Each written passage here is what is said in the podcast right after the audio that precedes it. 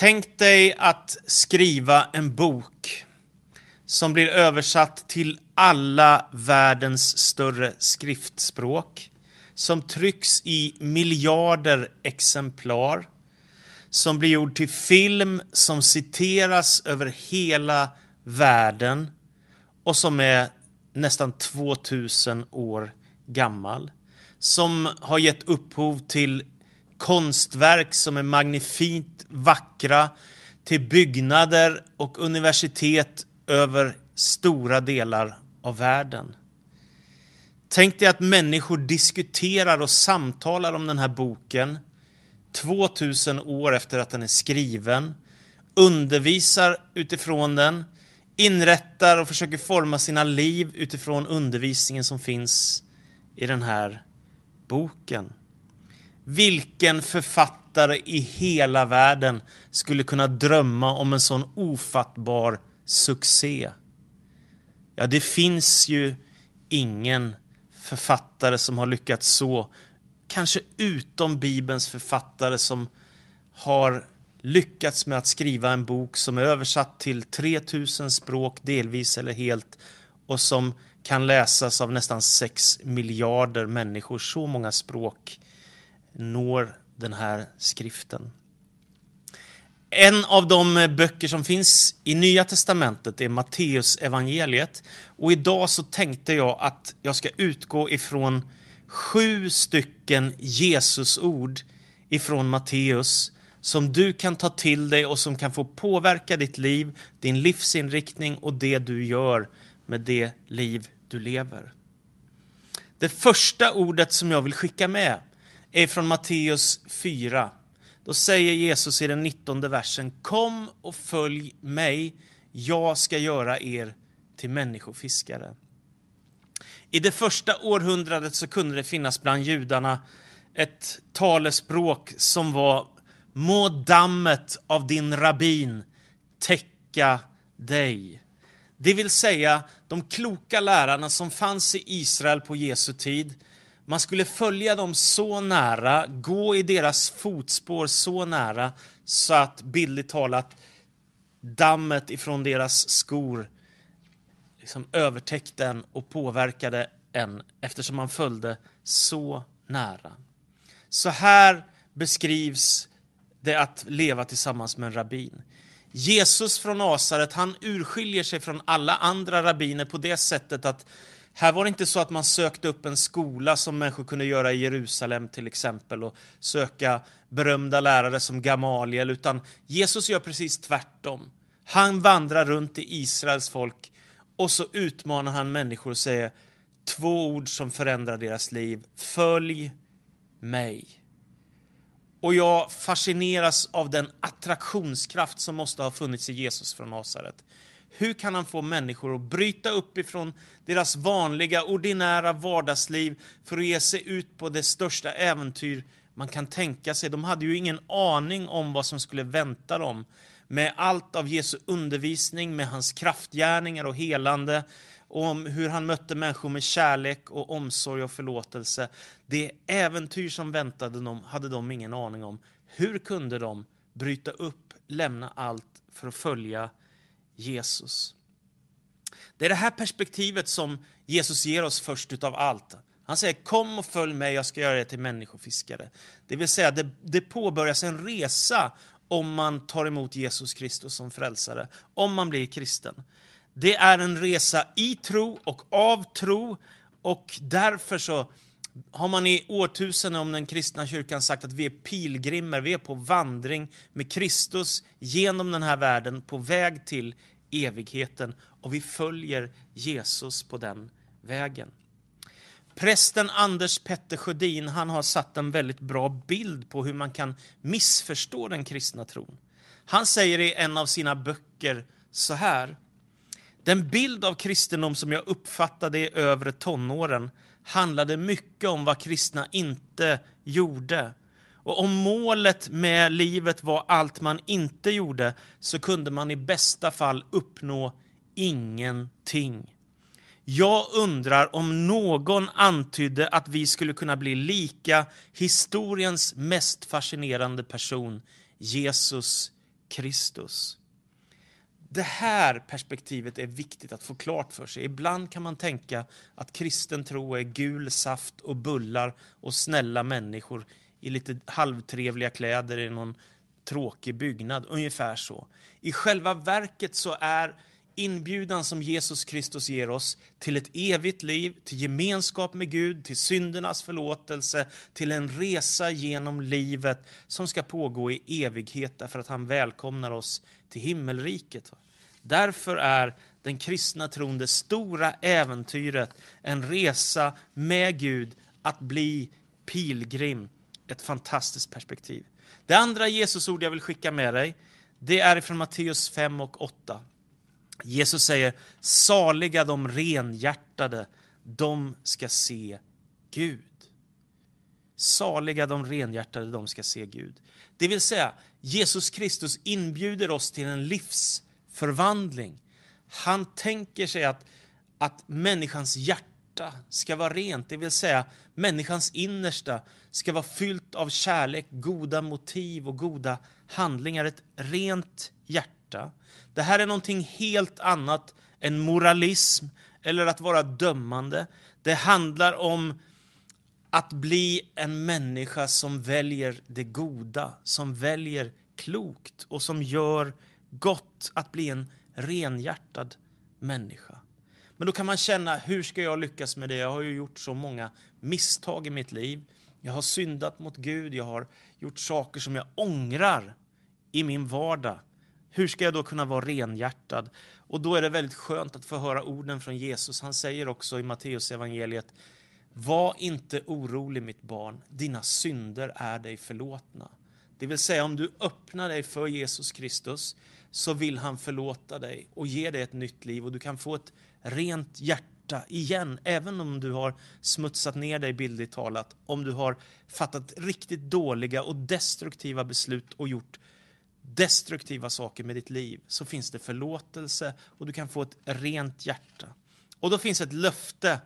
Jesus säger, de ska se Gud. Wow, tänker jag. Vänta lite nu.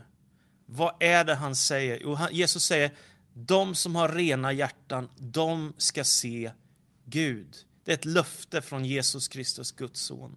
Det vill säga, att en dag i evighetens värld, när vi lever i nåden och har tagit emot hans frälsning, så finns hoppet om att få se Gud ansikte mot ansikte. Det är ett löfte som finns i Nya Testamentet, både från Jesus och från apostlarna, att bortom den här världen så finns det ett hopp att en dag se Gud. Så om du följer Jesus så är det inte ett liv begränsat till 50, 70, 90 år, utan det har ett evighetsperspektiv. Du är på vandring mot Gud och du ska en dag få se Gud ansikte mot ansikte. Därför du ska söka efter ett rent hjärta. Och har allt blivit fel så är det som det står i en sång, det enda jag vet det är att nåden räcker, att Jesu Kristi blod min synd och skuld täcker. Det tredje Jesusord jag vill skicka med dig är från Matteus 6 och 33. Där står det Sök först Guds rike och hans rättfärdighet så ska allt det andra tillfalla er. Vi är alla sökare.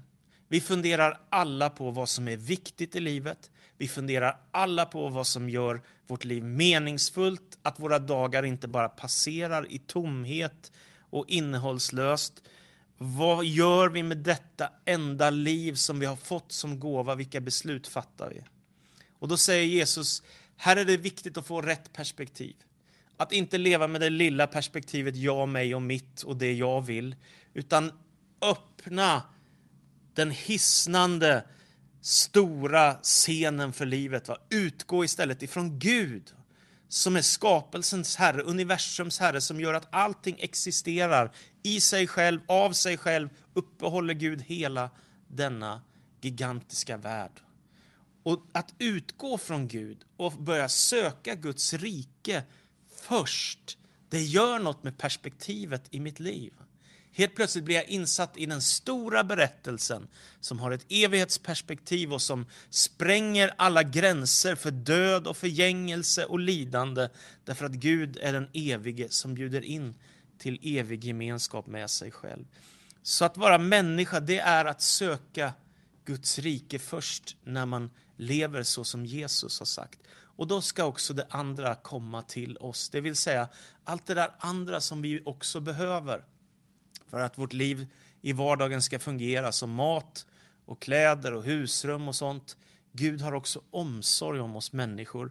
Han lämnar oss inte, han glömmer oss inte, han finns där vid vår sida och vill hjälpa och vill välsigna. Sök först Guds rättfärdighet. Gör inte tvärtom, att du sist söker Guds rike och hans rättfärdighet. Utan börja med Gud och så infogar du ditt liv i den stora, gigantiska, kosmiska berättelse som Nya Testamentet ger oss. Det fjärde Jesusordet som jag vill ge dig, det kommer ifrån Matteus 11 och 28. Kom till mig alla ni som är tyngda av bördor, jag ska skänka er vila. I, ibland så tänker människor att kristendom är bara massa bud och du ska och du ska inte. Och det är riktigt att det finns bud. Det handlar ju om att välja det goda, att välja det som är kärleksfullt, det som är gott och behagar Gud. Men Jesus bjuder in oss till vila. Jag tycker det är oerhört befriande. Kom till mig, alla ni som är tyngda av bördor. När man blir sjuk, när man blir trött, när man känner sig ensam, när man är nedstämd eller deprimerad eller ledsen. Att få veta och tänka, Gud jag kan sträcka mot dig, jag kan komma till dig nu Jesus Kristus. Jag behöver inte bara utgå från mig själv eller den hjälp jag kan få av vänner eller kanske en god läkare eller en god psykolog. Jag kan också få komma till Jesus Kristus. Där finner jag nåd, där finner jag förlåtelse, där finner jag barmhärtighet. Där kan jag få vila ut.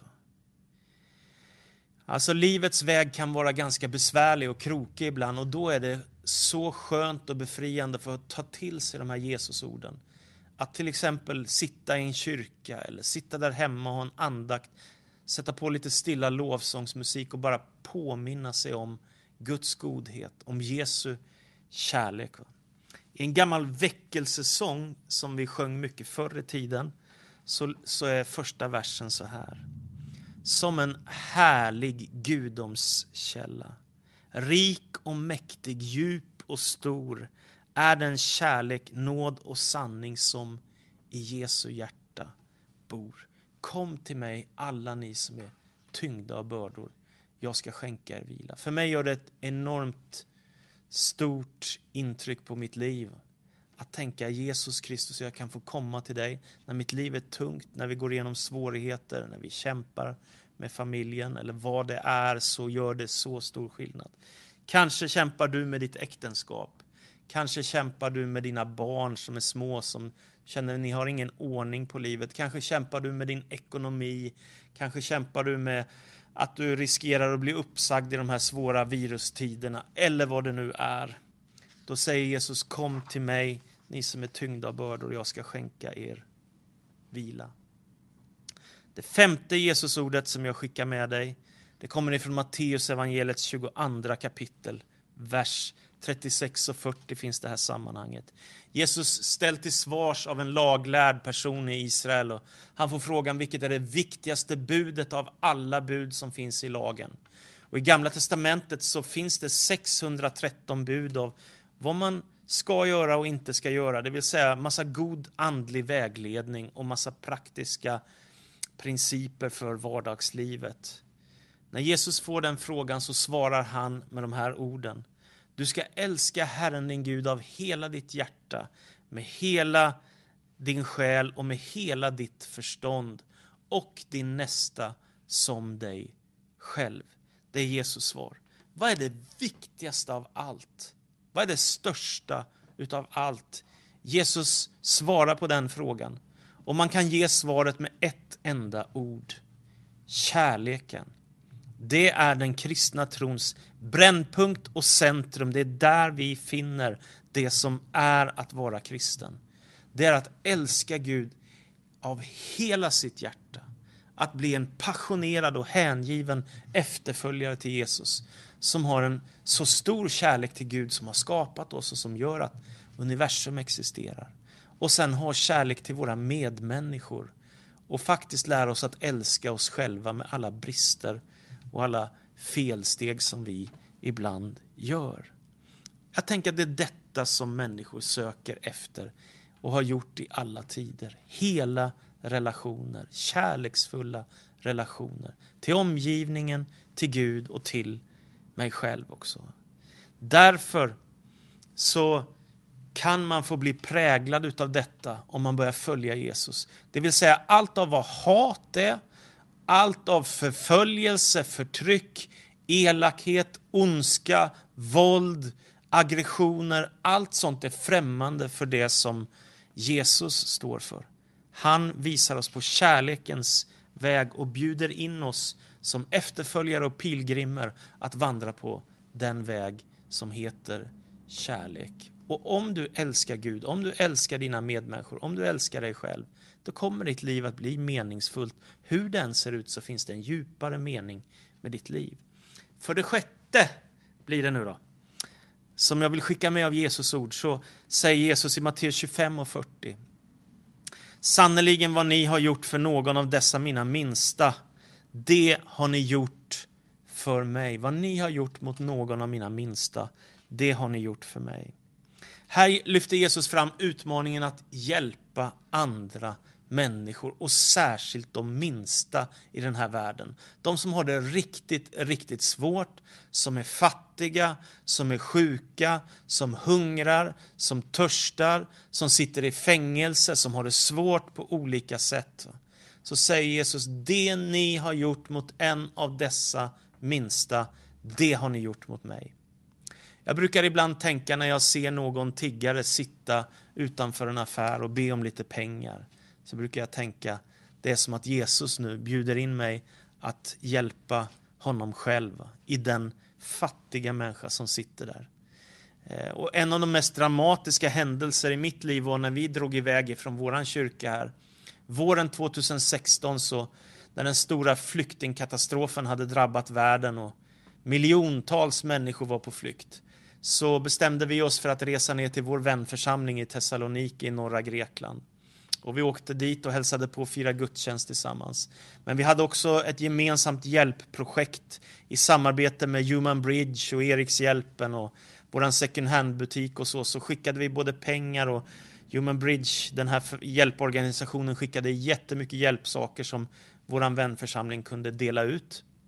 Och vi samlade in pengar till detta. Och så åkte vi ner och så när vi hade varit på gudstjänst i Thessaloniki och träffat vännerna där i församlingen så åkte vi upp till gränsen mot Makedonien, en liten by som heter Idomeni.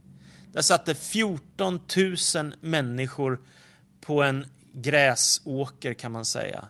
På, ett, på en plan där 14 000 människor, små barn, gamla sjuka människor, familjer, ungdomar, unga vuxna, medelålders, alla kategorier av människor fanns där. Och som tur var fanns också Röda Korset där och Unicef fanns där och kyrkorna fanns där.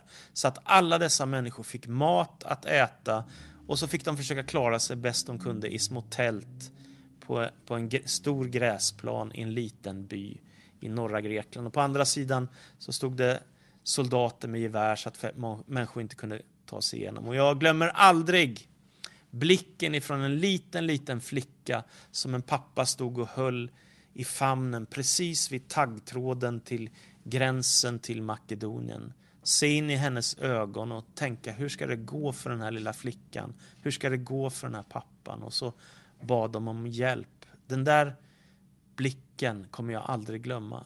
Du vet, det finns så många människor som vi kan hjälpa, både i vårt eget land och i andra länder, genom vår ekonomi, genom våra böner, genom vår omsorg och kärlek, genom att hjälpa människor på olika sätt. Vad ni har gjort för en av dessa mina minsta, det har ni gjort för mig. Det sjunde och sista Jesusordet som jag vill skicka med dig är från Matteus 28, det som kallas för missionsbefallningen. Då säger Jesus, åt mig har getts all makt i himlen och på jorden. Gå därför ut och gör alla folk till lärjungar. Döp dem i Faderns och Sonens och den helige Andes namn och lär dem att hålla alla bud jag har gett er. Matteus 28. Det här är efter att Jesus Kristus har dött på korset, offrat sig för vår frälsnings skull. Men Gud har också blåst i sin basun ifrån himmelen och Jesus Kristus har på tredje dagen uppstått ifrån de döda och han lever igen och full av kraft är han verksam och möter lärjungarna som är chockade över uppståndelsens verklighet, att Jesus har segrat över dödens makt. Och nu när Jesus möter dem så ger han dem en befallning. Och det är att gå ut med evangeliet i hela världen, till alla folk, alla nationer och ge evangeliet till människor. Det hoppfulla budskapet om att det finns frälsning, förlåtelse, evigt liv, gemenskap med Gud, en himmel, en evighet, ett paradis som väntar oss efter döden. Och till detta bjuds alla människor i hela världen in. Alla är välkomna att bli del av Jesusrörelsen och bli en pilgrim på vandring mot Gud. Och för att det ska ske så behöver du ta emot Kristus i ditt hjärta och du behöver bli döpt i vatten och då gör vi så här i kyrkans värld att vi sänker ner människor i vatten och så säger vi, jag döper dig till Kristus i Faderns och Sonens och den helige Andes namn. Vi uttalar Guds namn över människor och viger dem till Kristus och till Gud och så ber vi om välsignelse över deras liv. Och att bli kristen, att bli en efterföljare till Jesus, att bli en pilgrim som är på vandring mot Gud, det är också att bli del av Jesusrörelsen som vittnar om evangeliet, de goda, glada nyheterna. Och som avslutning så tänker jag så här. Jag var 17 år när jag bestämde mig för att följa Jesus. Jag tog emot Jesus som frälsare och jag fick en kallelse att börja predika. Och det är en ganska stark händelse i mitt liv som har påverkat mitt liv och förändrat mitt liv. Och nu har det gått drygt 30 år sedan dess. Och tänk att jag har fått resa i fyra världsdelar och predikat i Asien, i Afrika, Europa och USA om vem Jesus är. Det hade jag aldrig kunnat tänka mig när jag var 17 år och tog del av evangeliet och började följa Jesus och bli en pilgrim. Men nu har jag drygt 30 års erfarenhet att följa Jesus och ta hans ord på allvar och försöka vara en lärjunge med alla mina begränsningar och misslyckanden. Så min fråga till dig, det är vad skulle hända med dig om du tar Jesus-orden på allvar? Vad skulle hända med dig om du tar Jesus-orden på allvar? Kristus kallar dig att följa honom. Han kallar dig att bli en pilgrim. Amen.